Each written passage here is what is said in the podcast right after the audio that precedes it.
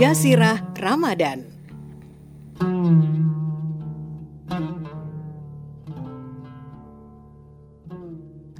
Di Cina, umat Muslim termasuk agama minoritas, sehingga tidak usah kaget kalau negeri ini minim toleransi dalam bulan Ramadan. Seperti salah satunya, usaha tempat makanan dan minuman tidak ditutup di negara ini.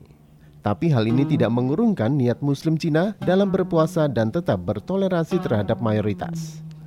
Justru di Cina ketika bulan Ramadan datang adalah kesempatan buat warga Muslim untuk saling bersilaturahmi satu sama lain.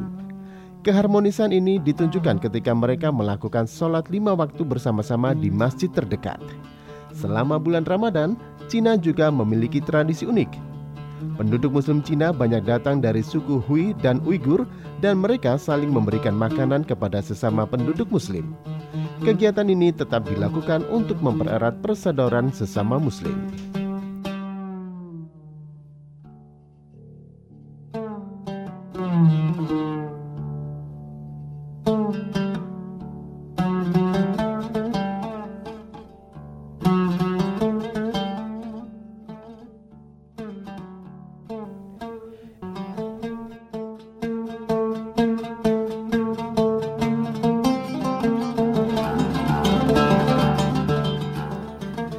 Jasira Ramadan dapat Anda dengarkan di 104.7 Trijaya FM Surabaya tiap hari di bulan Ramadan.